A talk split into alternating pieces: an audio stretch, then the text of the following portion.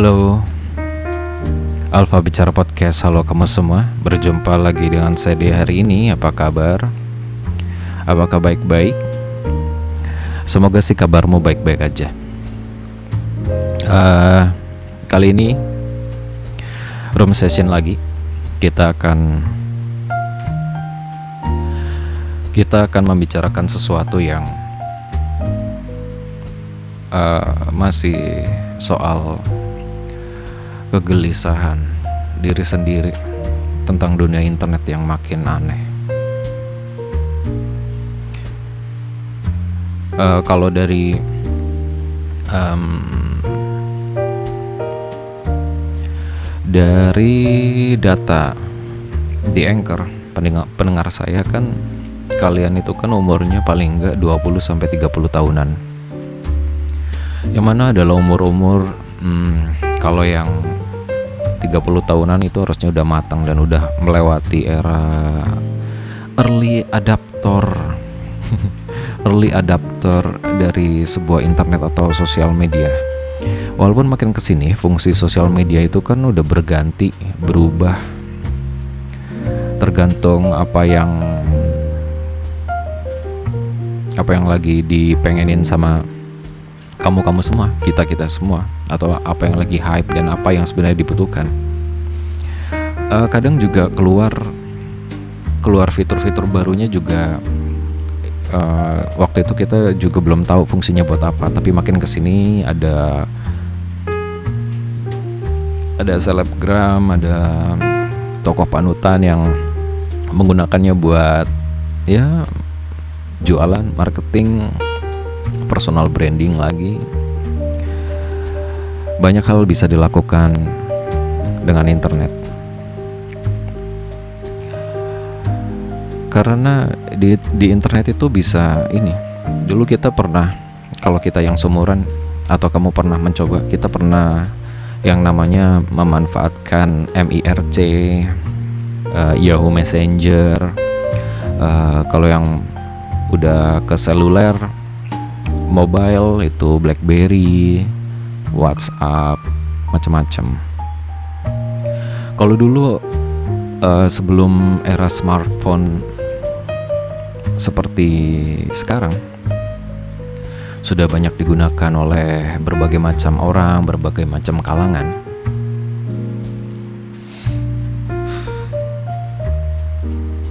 Orang tuh berinternet berselancar dulu namanya mencari informasi macam-macam itu nggak bisa setiap saat karena karena keterbatasan internet. Internet masih tidak terlalu cepat aksesnya terbatas. Hanya yang memiliki beberapa fasilitas aja di rumah atau di tempat kerjanya yang bisa menikmati itu. Uh, tapi makin ke sini karena era udah mobile udah udah mencangkup dan menjelajah sampai ke pelosok-pelosok desa, internet makin murah, uh, ponsel pintar makin murah dan terjangkau, lalu rentang umur yang me mengaksesnya memiliki device-nya itu juga makin luas rentang umurnya. Sekarang tuh anak bayi berapa tahun itu udah bisa udah bisa megang HP, udah bisa pinter mencari sesuatu yang dia pengen tahu di di internet dengan browsing. Bisa juga dia tuh memanfaatkan voice comment. Oke okay Google atau Hey Siri dan lain-lain. Itu makin memudahkan sekaligus menakutkan. Karena ya banyak sekali kita dapat uh, berita-berita di internet. Seorang anak kemarin tuh seorang murid uh, ditampar gurunya. Dan ternyata ya karena salah satunya ini belum valid sih saya nggak tahu. Tidak bisa memastikan kevalitannya tapi dari ceritanya semoga nggak benar. Kalaupun benar ya semoga ya. Semoga ya biar mereka kapok kalau ditampar. Uh, seorang anak-anak yang uh, umur madrasah punya video porno di HP-nya lalu melakukan onani di kelas bersama-sama. Itu kan out of the box. Aneh banget. Dan tidak saya dulu waktu SD nggak kepikiran seperti itu tapi tidak bisa dibandingkan apple to apple ke era saya atau nanti era ke yang lebih tua dari saya nggak bisa karena teknologi dan arus informasinya pun udah beda jadi ada kecenderungan anak-anak sekarang itu karena informasi dan arusnya makin deras, makin luas, tidak terbatas oleh tempat. Banyak hal-hal yang uh, terpapar. Mereka terpapar oleh hal-hal baik itu baik, baik itu sampah yang ada di internet. Yang baik adalah misalnya ya sekarang anak-anak udah di desa-desa berbahasa Indonesia dengan lancar udah bisa logat-logatnya udah nggak Jawa lagi. Itu bukan sesuatu yang baik atau buruk ya. Baik untuk pemahaman bahasanya mungkin tapi untuk meninggalkan logat daerah ya ya 50-50 sih. Ada baiknya ada enggaknya tapi sebaiknya kalau yang lokal tuh jangan dihilangkan. Fleksibel aja. Um, lalu karena mereka dengan mudah dan dengan gampang terpapar oleh sesuatu yang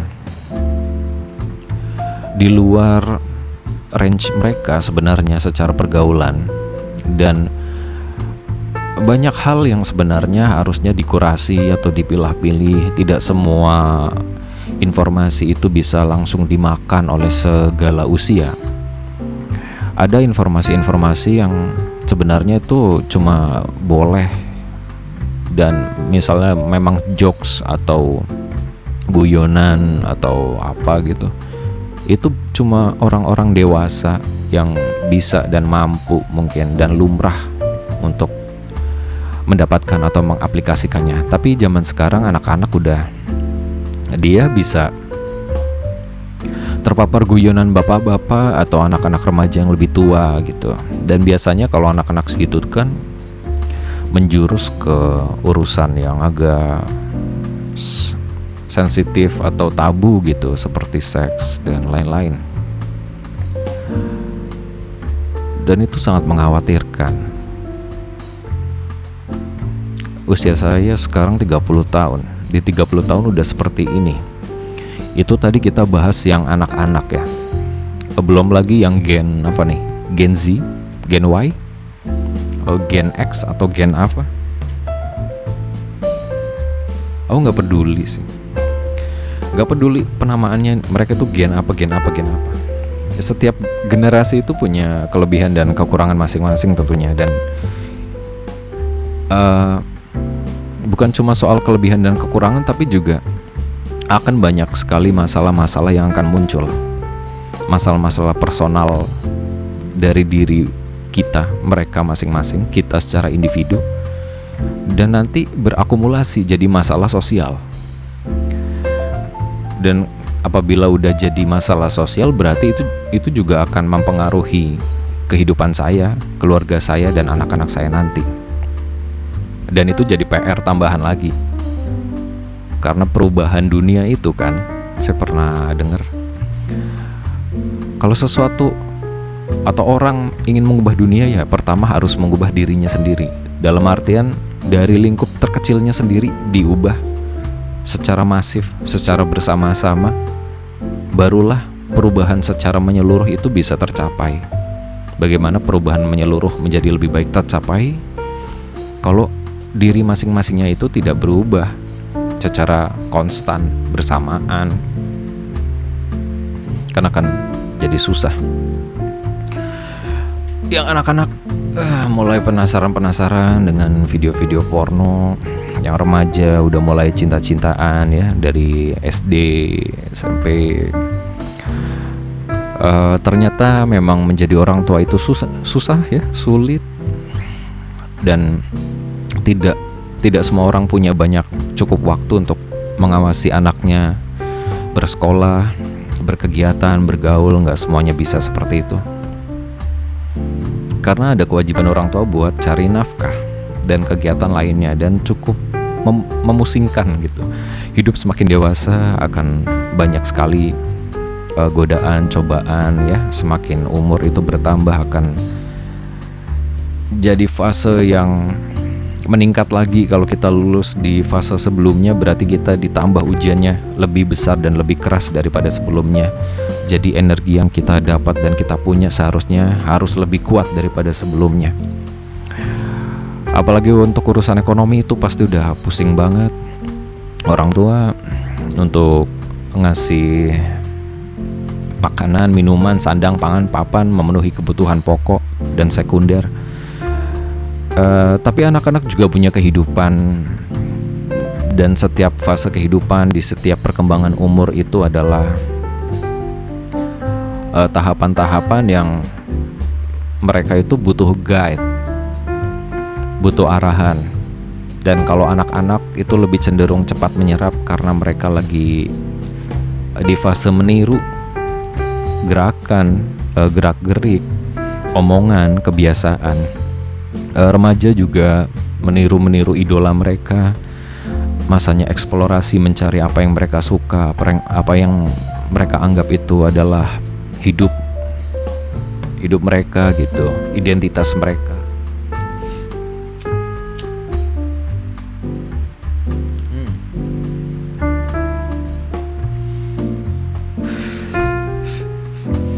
kadang-kadang uh, orang tua juga nggak tidak salah 100% tapi memang dinamikanya alur dari kehidupan seorang orang tua itu ya seperti itu mungkin ya.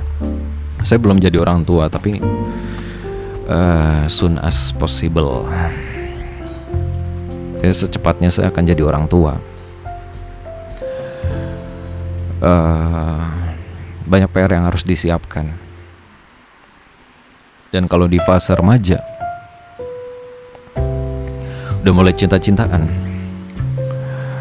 Biasanya remaja itu punya kecenderungan kalau dilarang makin dilarang makin ngelawan atau kalau dimarahi itu dia akan timbul rasa takut buat tidak dimarahi dengan cara berbohong atau sembunyi-sembunyi.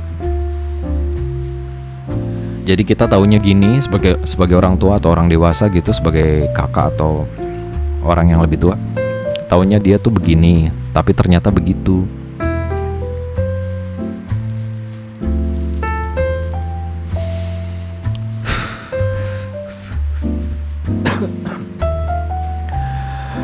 saya nggak tahu sih saya juga pernah remaja uh, tapi nggak yang sampai nakal-nakal banget gitu dan senakal-nakalnya kami ya, masih ada apa ya rasa takut kalau apa yang dilakukan dan kita tahu salah itu diketahui oleh orang lain, oleh orang tua, oleh guru gitu atau oleh saudara yang lebih tua, paman, kakek, nenek. Itu takut dan malu, jadi sembunyi-sembunyi gitu. Tapi kalau saya lihat sih nggak uh, nggak semua mungkin, tapi beberapa anak-anak sekarang tuh lebih bangga gitu, lebih bangga buat menunjukkan kalau saya udah pernah melakukan kesalahan ini atau dosa ini.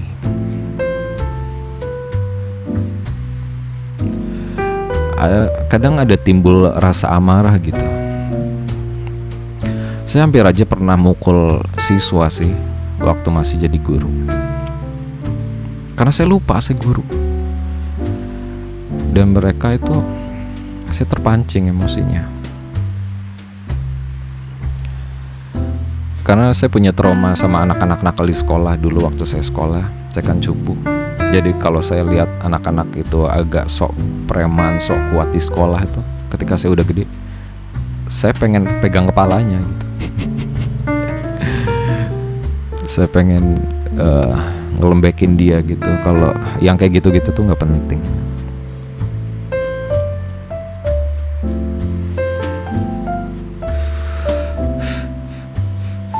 dulu pacaran sembunyi-sembunyi. Anak sekarang SD udah bisa main TikTok, Instagram, Twitter dan udah tahu yang namanya menjadi anonim, membuat akun-akun alter. Banyak banget Instagramnya akunnya karena memang bikinnya semudah itu dan uh, tanpa bimbingan orang tuanya dan um, umur itu bisa dikelabui nggak masang foto asli tapi kalau kita telur telusuri satu persatu ada yang digembok ya. Pinter lah pokoknya. Ada yang digembok ada yang enggak ya. Kita lihat postingannya. Omongannya nggak jelas tentang cinta-cintaan yang nggak jelas. Ash.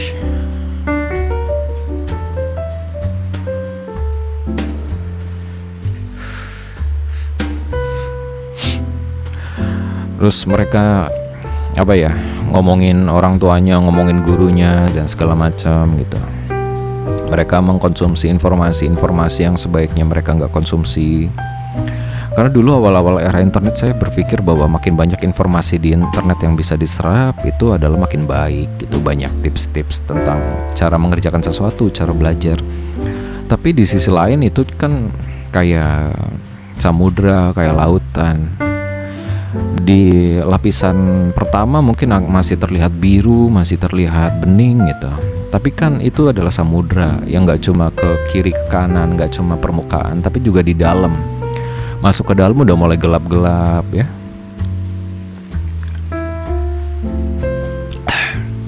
Udah mulai gelap. Udah mulai menemukan yang aneh-aneh.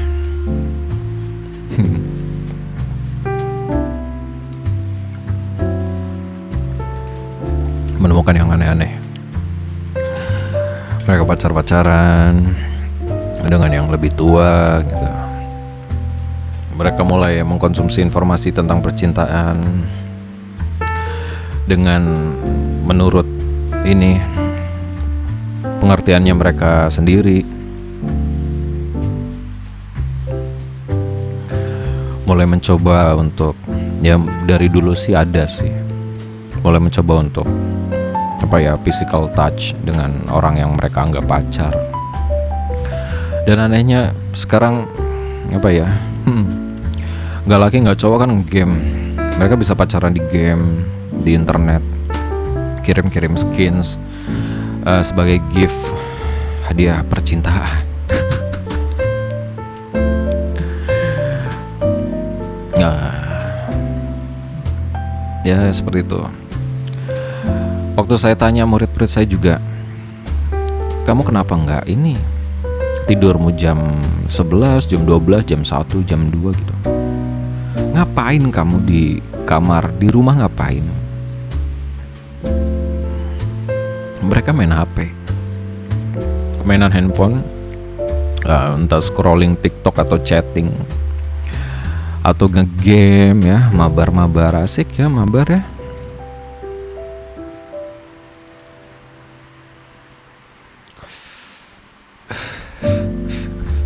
tai kucing. Mabar asik ya. Asik tapi tidak seasik bermain game zaman dulu. Uh, nggak nggak jarang saya nemuin umpatan-umpatan keluar itu dari mulut-mulut mereka yang masih belum mateng. Dari mana mereka belajar itu gitu? Ya saya tidak tidak mengikuti tren itu.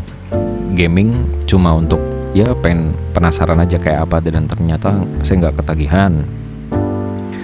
Tapi juga saya mengikuti perkembangan informasi ada tren apa aja. Jadi saya paham misalnya ada anak-anak yang mengumpat ini gitu. Umpatannya kayak gini gini gini kayak bahasanya kayak gini gitu. Aksennya begini. Oh itu pasti tuh si youtuber ini dia nontonnya. Selebgram ini dia pasti nontonnya tuh karena kelihatan gitu. saya pernah muda. Sangat sangat sangat sangat kelihatan. Udah yang remaja ya itu SMP terus ke SMA lebih lagi ya. Uh, masih agak kekanak-kanakan kayak gitu tapi masih lebih. Kalau ke yang dewasa nih kita. Udah mulai apa ya kadang-kadang ada fandom-fandom uh, girl band, boy band Korea gitu. Ada juga kasus yang menipu menipu sesama fans gitu. Pengadaan souvenir, eh souvenir atau apa gitulah. Nipu duit. Terus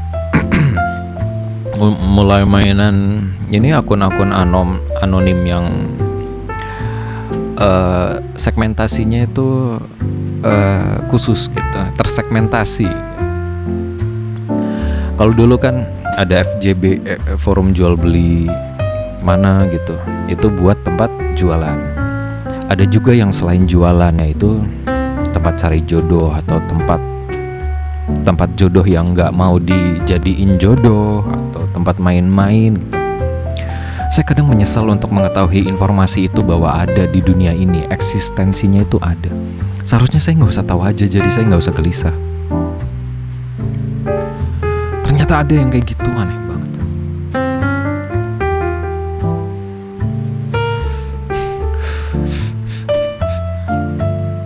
Mau Jakarta atau kota gede itu trendsetter apa gitu, saya amat. Mau dibilang gak gaul apa, terserah bodo amat saya. Kenapa pakai bahasa Indonesia kayak gini? Ya karena saya hidupnya pindah-pindah.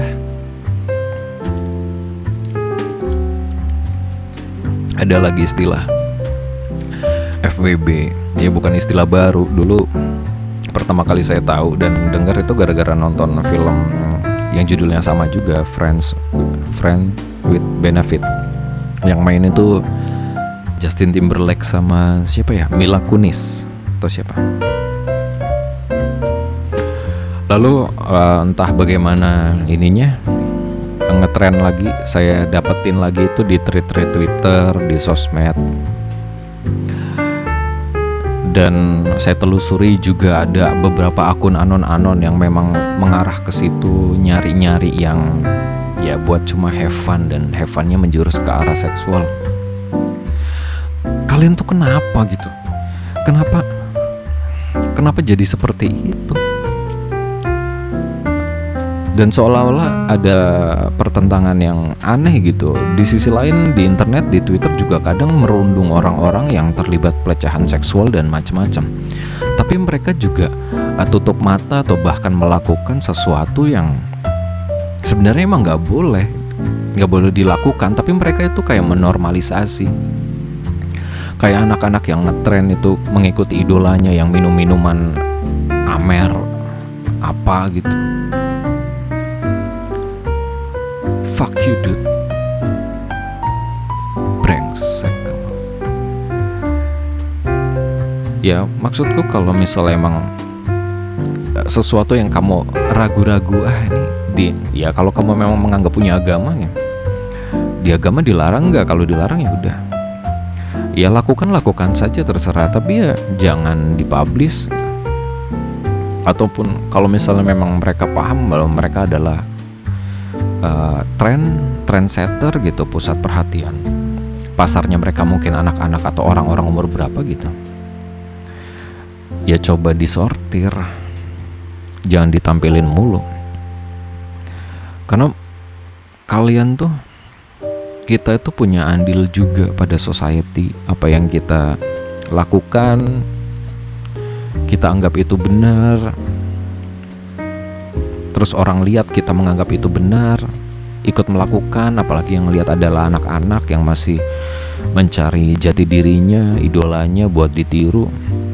Kita jadi punya kesalahan juga sebenarnya mau tutup mata atau enggak.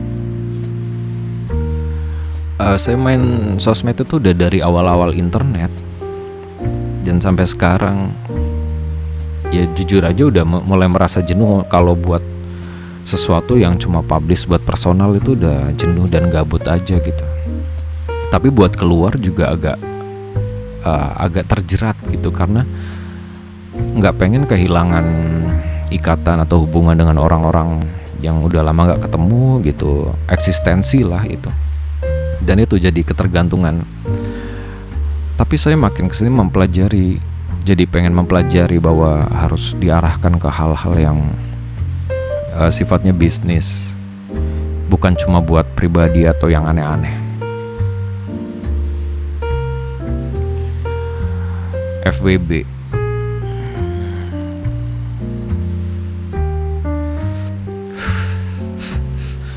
nyari FBB tapi nanti kalau hamil nggak mau tanggung jawab bikin treat tai apa nih? Semakin hari istilah dalam relasi asmara semakin beragam bentuknya. Kini ada istilah baru, nggak baru sih, yaitu FWB, Friends with Benefits, yang sedang menjadi tren di kalangan anak muda. Lalu apa sih sebetulnya yang dimaksud dengan Friends with Benefit? Bagaimana dampaknya pada anak dan remaja? Yuk simak penjelasannya selengkapnya di bawah ini. Istilah ini merujuk pada suatu hubungan asmara di antara dua pihak namun tidak ada komitmen yang jelas seperti pasangan suami istri atau pasangan kekasih. Singkatnya, hubungan tersebut sekilas tampak seperti teman, tetapi melibatkan hubungan seks layaknya pasangan yang sah. Fenomena ini pernah diangkat ke layar lebar menjadi sebuah film drama berjudul sama yang diperankan oleh Justin Timberlake dan Mila Kunis. Ya, bener tadi. Meski film tersebut berakhir bahagia, namun apa yang terjadi di dunia nyata sering kali sebaliknya.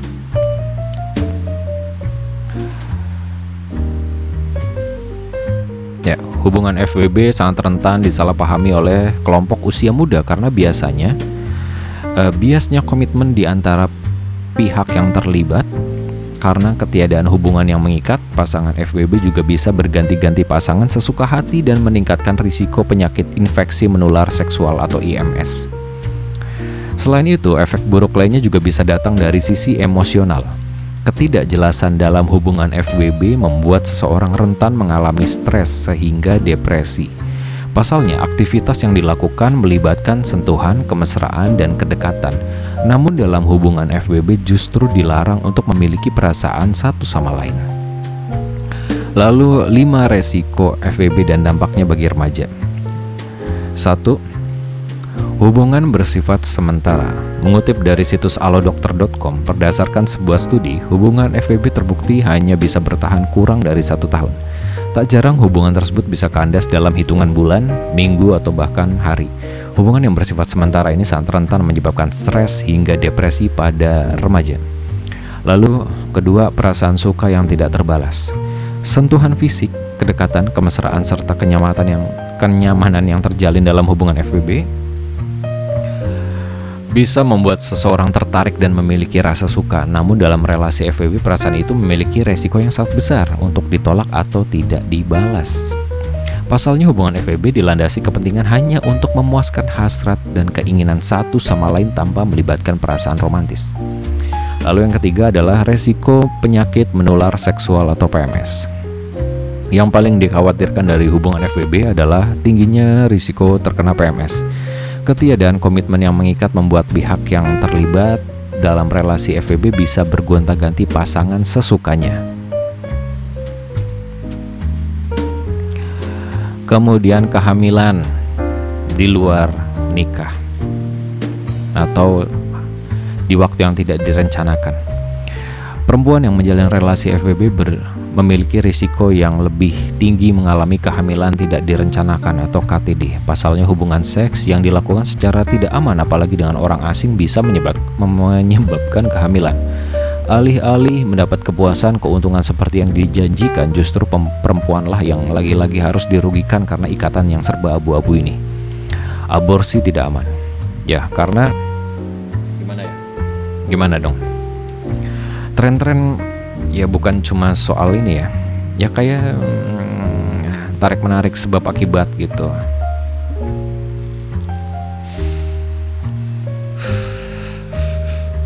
rendahnya edukasi tentang seksual di usia dini hmm, uh, lalu adab-adab yang mulai berkurang sopan santun yang mulai tidak diikuti uh, penyakit-penyakit dalam keluarga yang tidak terselesaikan dengan baik, hubungan antara keluarga besar, orang tua dengan anak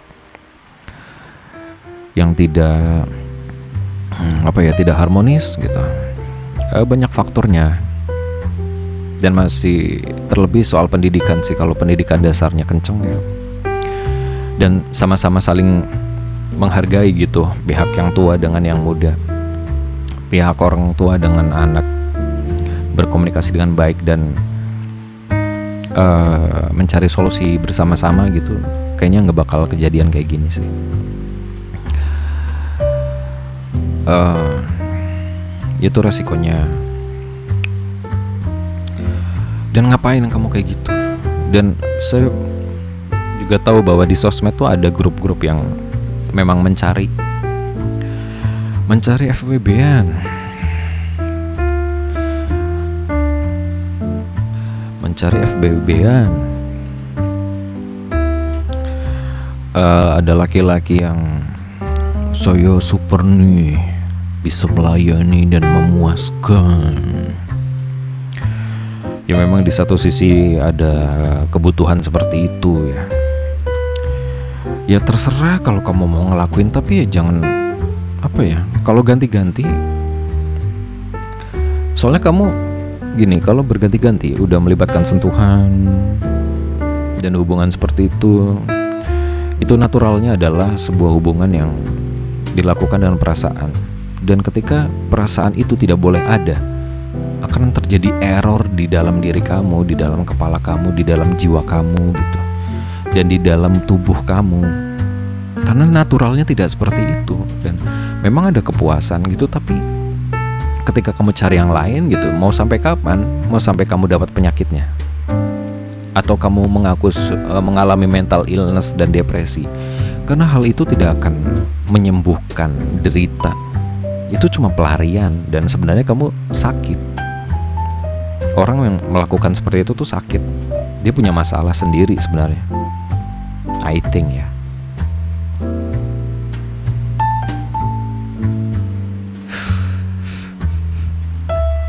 Dan saya takut.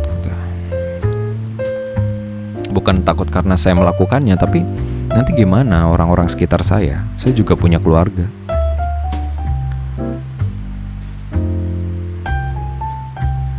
Ya kalau misalnya mau melakukan ya jangan dipublish lah. Ya itu kan karena itulah karena uh, sebabnya saya anonimus gitu. Tapi kan anonimusmu itu tai. Anonymous yang pengen fame. Atau waktu itu kan saya sempat bikin ini episode yang saya bilang saya nginstal aplikasi dating online. Saya melakukan uh, ini ya dating online belum ada yang ketemu. Ah, ada satu yang ketemu. Dan biasa aja like a friends temen temenan aja dan ketemu dan tidak tidak diniatkan memang dari awal untuk bermain dan mencari kenikmatan itu doang. Walaupun ada dan saya heran bukan heran ya apa kaget gitu. Ternyata ada yang nyari kayak gitu doang.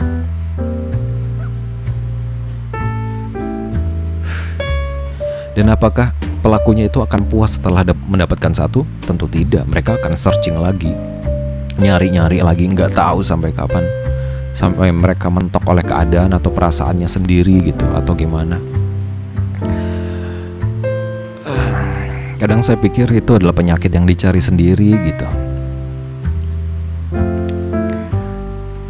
saya tidak melakukan itu dan tidak nyerempet-nyerempet ke situ tapi ketika tahu hal itu tuh ada itu rasanya ada nyeseknya juga dan harusnya saya nggak tahu gitu jadi lagi-lagi kan kita tuh udah kebanjiran informasi banyak soal macem-macem gitu.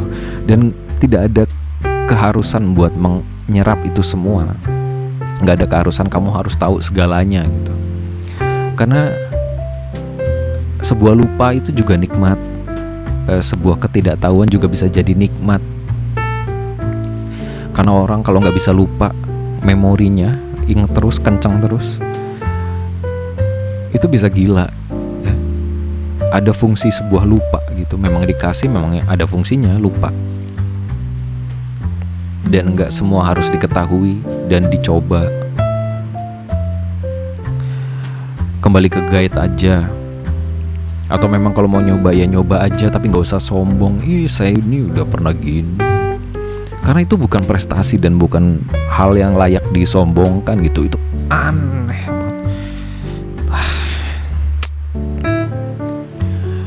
trading trading ya. Si berhasil loh kaya dapat penghasilan segini gini gini. Ya. Ya ya ya ya ya ya ya. Ya memang uang itu penting buat alat alat melakukan sesuatu menuju atau membeli sesuatu gitu. Tapi bukan satu-satunya tujuan hidup dan apakah orang yang kaya udah punya misalnya dia pamer punya Lambo di rumah rumah udah 15 miliar apakah mereka merasa puas dan bahagia? Belum tentu. Bisa jadi enggak? Karena manusia punya sifat yang tidak pernah puas. Ada orang yang menikmati sensasi apa namanya adrenalin. Ketika ingin mendapatkan sesuatu dan belum dapat adrenalinnya memuncak. Pokoknya saya pengen ini pengen pengen pengen. Sampai di titik dia dapat apa yang dia mau. Ada rasa puas mungkin sehari dua hari satu bulan gitu. Tapi setelah itu mereka akan mena e, mencari target baru lagi buat dituju. Yang lebih. Misalnya dalam konteks uang saya pengen 100 juta pertama saya saya pengen 10 juta pertama saya. Kemudian kalau itu udah jadi kenyataan akan ada rasa senang. Lalu mulai ada nggak puas lagi. Oke kita tambah lagi. Alih-alih men-challenge diri sendiri gitu. Satu miliar. Nanti udah 2 miliar 3 miliar 100 miliar. Tidak ada rasa puas. Dan mereka menikmati adrenalin itu. Tapi tanpa mereka sadari juga kita tuh ada rasa apa ya, rasa tertekan, stres, depres dan lain-lain yang kita mungkin nggak sadar itu datang dari mana. Padahal bisa jadi itu karena games yang mereka buat sendiri buat diri mereka gitu. Ada rasa tidak puas dikejar gitu. Mereka tertekan akhirnya. Dan mereka menganggap saya punya mental illness Ya karena di, diri sendiri ini yang tidak mensyukuri apa yang ada dan menjadikan sebuah dunia itu sebuah tujuan dan hidup. Just a tools. Saya bukan orang kaya juga gitu. Tapi persepsi saya tentang uang dan harta benda juga bukan soal mendapatkan rumah yang besar doang atau mobil atau apa gitu. Karena nggak akan ada artinya dan kamu pengen menunjukkan ke siapa kalau memang apa yang kamu tuju itu untuk apa ya? Untuk penerimaan orang lain terhadap diri kamu itu sia-sia. Buat apa? Kamu melakukan itu untuk afirmasi orang lain. Sungguh buang-buang waktu. Karena orang lain akan punya banyak cara buat menjatuhkan mental kamu. Punya banyak cara. Kalau memang dia udah nggak suka sama kamu kamu mau mencapai apa pun pasti ada salahnya ya kayak sebuah hubungan yang misalnya emang salah satunya udah nggak cinta mau mencoba memutuskan untuk apa mengakhiri hubungan tapi nggak enak ya kadang-kadang mereka akan meminta sesuatu yang kira-kira pasangannya itu nggak bisa kasih. Dan layaknya pasangan mungkin uh, lawannya eh lawannya. Yang bersangkutan tuh pasangan yang bersangkutan akan mengusahakan sekuat tenaga sebaik mungkin untuk mencapai dan menuruti apa yang diinginkan tapi walaupun kendati hal itu kepengenan itu udah udah ada nih udah tergenggam nih akan ada permintaan lain-lain lain dan tidak ada rasa berterima kasih dan bersyukur. Ya karena memang sudah tidak mencintai kamu gitu. Ya tinggalkan saja kalau yang kayak gitu mah. Daripada uh, meracuni diri kamu sendiri memperberat beban hidup yang sebenarnya sudah berat gitu. Dan that's enough gitu tentang cinta dan lain-lain. Saya pernah ada di titik itu. Dan udah nggak saya pikir dan saya menemukan seorang yang mudah-mudahan jadi jodoh, jodoh saya gitu. Sudah saya lamar tinggal nikah. Mau doanya hmm, ada di titik itu dan saya menemukan dia bukan menemukan ya bukan barang. Kami dipertemukan di titik di mana saya ah cukup. Nggak usah dikejar. Kalau dia nggak mau dengan berbagai alasan yang sulit dipahami dan permintaan yang dia minta tidak bisa saya cukupi ya itu cuma alasan aja buat nggak sama saya gitu sampai akhirnya saya ditemukan sama pasangan saya yang sekarang. Ketika saya merasa sudah di titik yang tidak mau lagi ribet dan yowis ya lah. Ya mungkin jalannya sih. Dan setelah uh, dulu waktu di momen itu kan saya rasa itu banget banget banget banget berat gitu. Tapi ketika mengikhlaskan saya anggap ini lulus. Dan ada di fase yang baru lagi dan itu artinya ujiannya itu akan bertambah lebih berat mungkin jadi saya harus mempersiapkan diri, memperkuat diri biar lebih kuat daripada sebelumnya. Ya kayak gitu. Uh, eh, FWB, one night stand dan lain-lain itu kan apa ya? Istilah keren buat zina gitu. Saya bukan orang yang agamis banget tapi saya nggak suka aja kalau ada ada orang yang sok kayak gitu.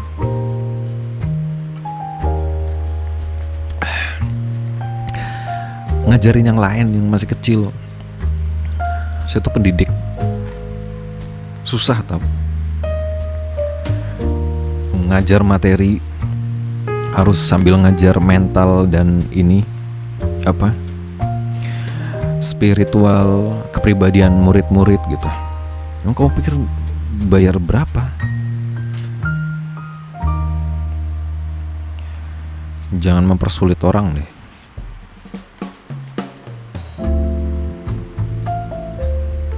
Ya brengsek. Ya kalau ketemu sama saya sih pengen berantem aja sih. Duel aja.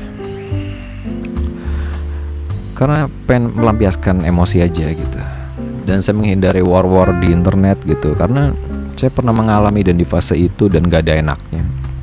Kita mau marah-marah atau mukul itu nggak kena ke tujuannya gitu. Kayak istilahnya kalau orang tinju kita mukul tapi nggak kena sasaran. Dan itu cuma buang-buang energi dan nggak puas. Jadi kalau ada orang yang nantangin gitu ya mending ketemu aja. Ketemu kalau berantem yang nggak usah visum-visuman kayak bencong gitu ya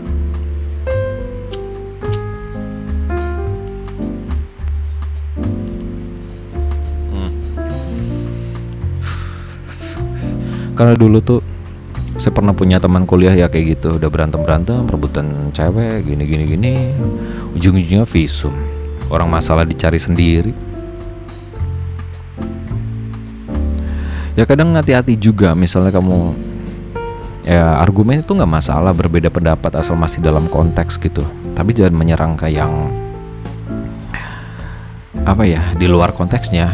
Menyerang keluarga atau apa gitu terkecuali memang keluarganya terlibat atau gimana. Atau main fisik atau main gimana. Nanti jadinya ya nggak selesai dan memang kamu pengen war aja. Nggak pengen nggak pengen ikut nimbrung menyelesaikan masalah. Memang kamu orang-orang kesepian dan gabut aja gitu. Yang pengen menyalurkan hasrat emosi kamu yang marah terhadap sesuatu tapi nggak bisa disampaikan. Ya isi pengecut-pengecut yang bermasalah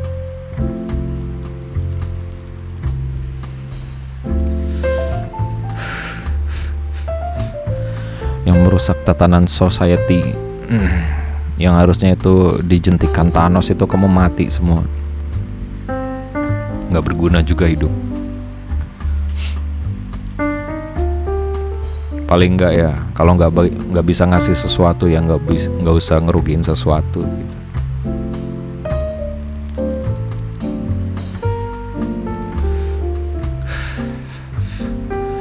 apalagi ya ini udah berapa menit sih nggak kelihatan waktunya. Bodoh ah. Udah lama juga nggak panjang lebar. Apalagi nih profil Momo Moriska selebgram ngaku lebih pilih FWB ketimbang menikah tae orang siapa ngejelas? Orang cakep nggak ada otaknya nggak nggak berguna juga. Emang kamu pikir semua orang itu menilai dari tampang, dari dunia yang dimiliki, kan enggak?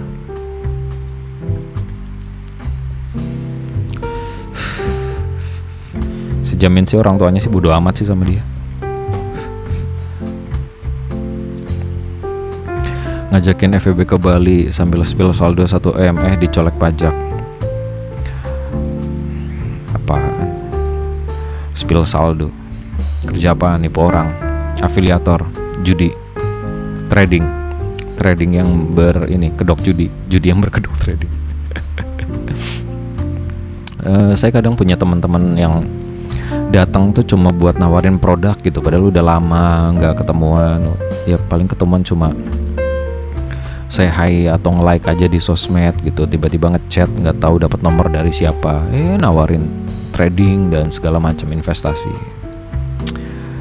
Ya saya nggak buta nggak buta-buta banget sih soal itu dan saya nggak mau trading itu. Kalau yang beneran trading ya bukan tebak-tebakan. Ini nanti naik atau enggak gitu. Kalau tebakannya bener dapat kalau nggak kalah itu kan tebak-tebakan judi. Goblok tolol.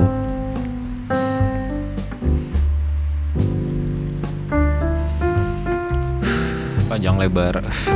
Dari zaman kuliah sih ada yang ngajakin apa ya produk MLM kayak gitu. Ini apa profitable dan lain-lain. Sampai sekarang udah mungkin 5 sampai 10 tahun dia juga nggak punya mobil. Dia nggak punya kapal pesiar juga gitu. Bohong ya.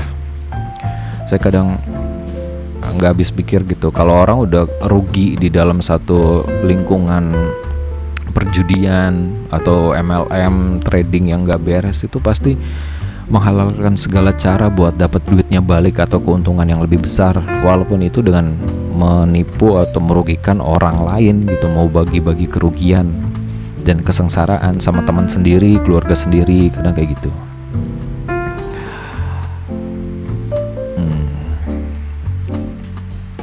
Aneh kadang. Ngajakin susah.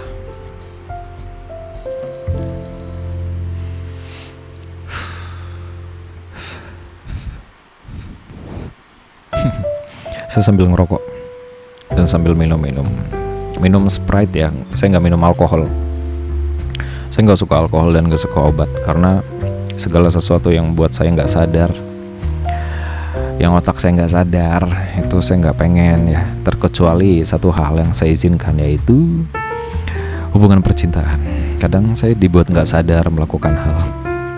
Tapi ya memang saya butuh siapa sih yang nggak butuh dicintai? Asik dan nggak butuh untuk mencintai gitu. Hanya kaum kaum yang so edgy yang maunya one night stand atau FWB gitu. Atau yang aneh ini saya menemukan di di internet itu pasangan suami istri yang swing uh, ngajak orang lain buat uh, melakukan hubungan dengan pasangannya gitu dan dia nonton atau dia ikut terlibat gitu. Itu aneh banget. Itu jijik. Bahkan hewan pun saya nggak pernah lihat kayak gitu bahkan itu lebih rendah banget dari hewan karena saya nggak pernah lihat hewan kayak gitu. Atau saya yang cupu ya di dunia perhewanan saya nggak tahu sih.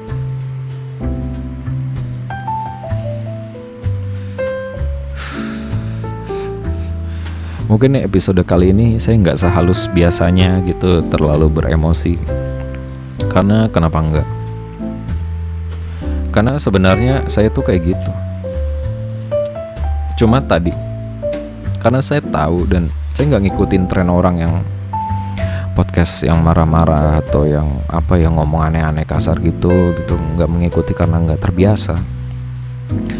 Dan saya melakukan apa yang saya mau aja dan kalau mau ada yang denger ya denger. Nggak ya nggak bodo amat. Karena memang ini adalah salah satu sarana sarana buat saya melepaskan apa yang harus dilepaskan dan berlatih buat ngomong dulunya. Lalu satu-satunya hal yang saya ingat yang berpositif gitu ya selain support dari teman-teman dari podcast ini adalah uh, soal percintaan sih. Pasangan saya katanya sih dulu ya katanya sih nggak tahu nih dia dengar atau enggak katanya tuh suka dengerin podcast ini. Bisa dibilang salah satu pendengar dong gitu. Bisa nggak sih?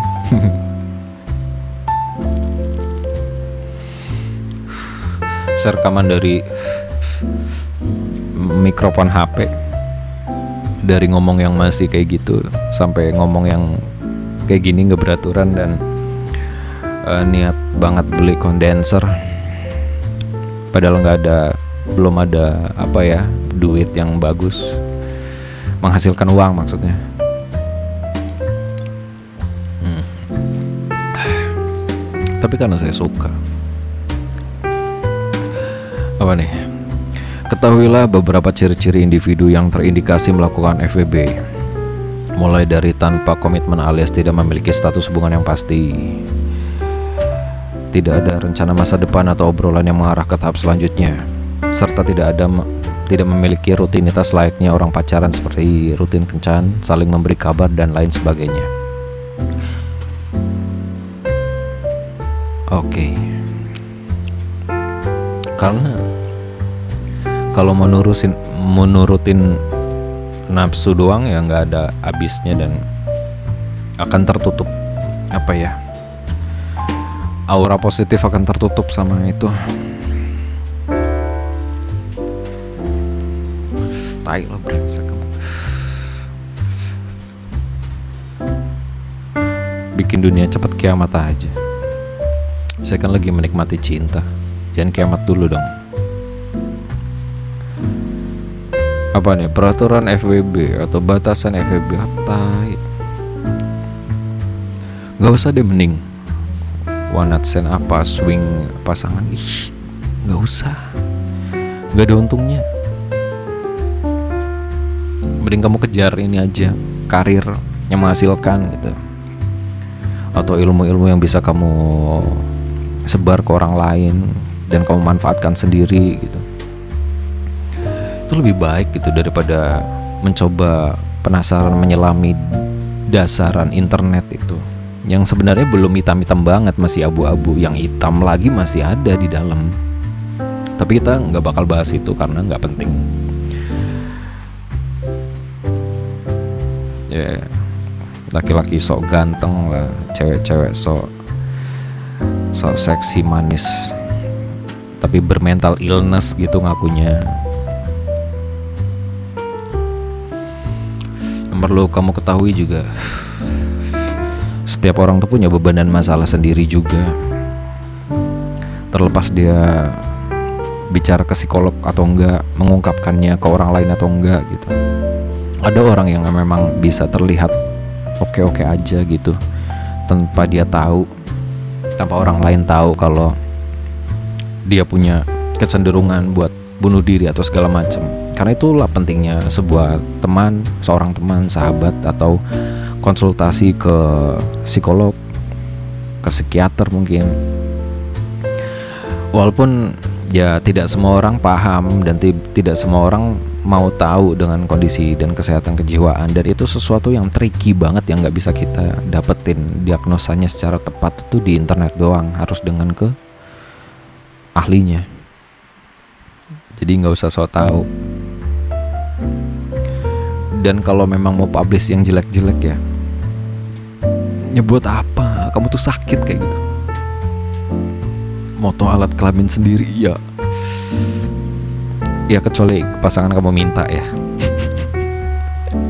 Tapi kalau buat di uh, publish di internet ya atau kirim ke sembarang orang ya ih sakit jiwa kamu?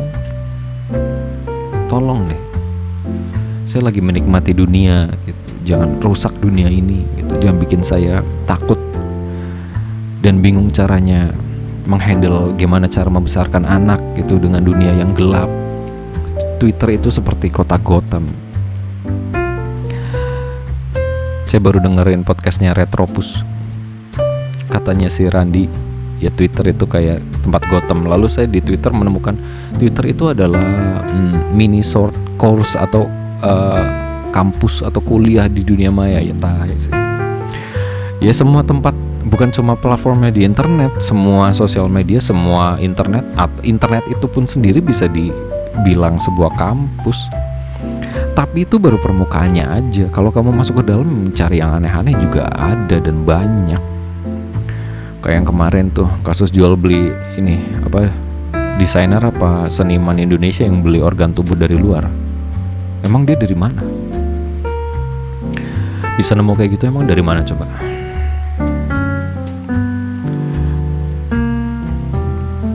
Kasus penyewaan pembunuhan nah, jual beli anak ya segala macam kayak gitu. Uh, bahkan masih ada yang lebih dalam lagi gitu. Kalau seseorang pengen banget dan niat banget membunuh kamu tuh bisa banget tanpa tanpa dia menyentuh badan kamu. Lewat internet bisa. Bisa mematikan kamu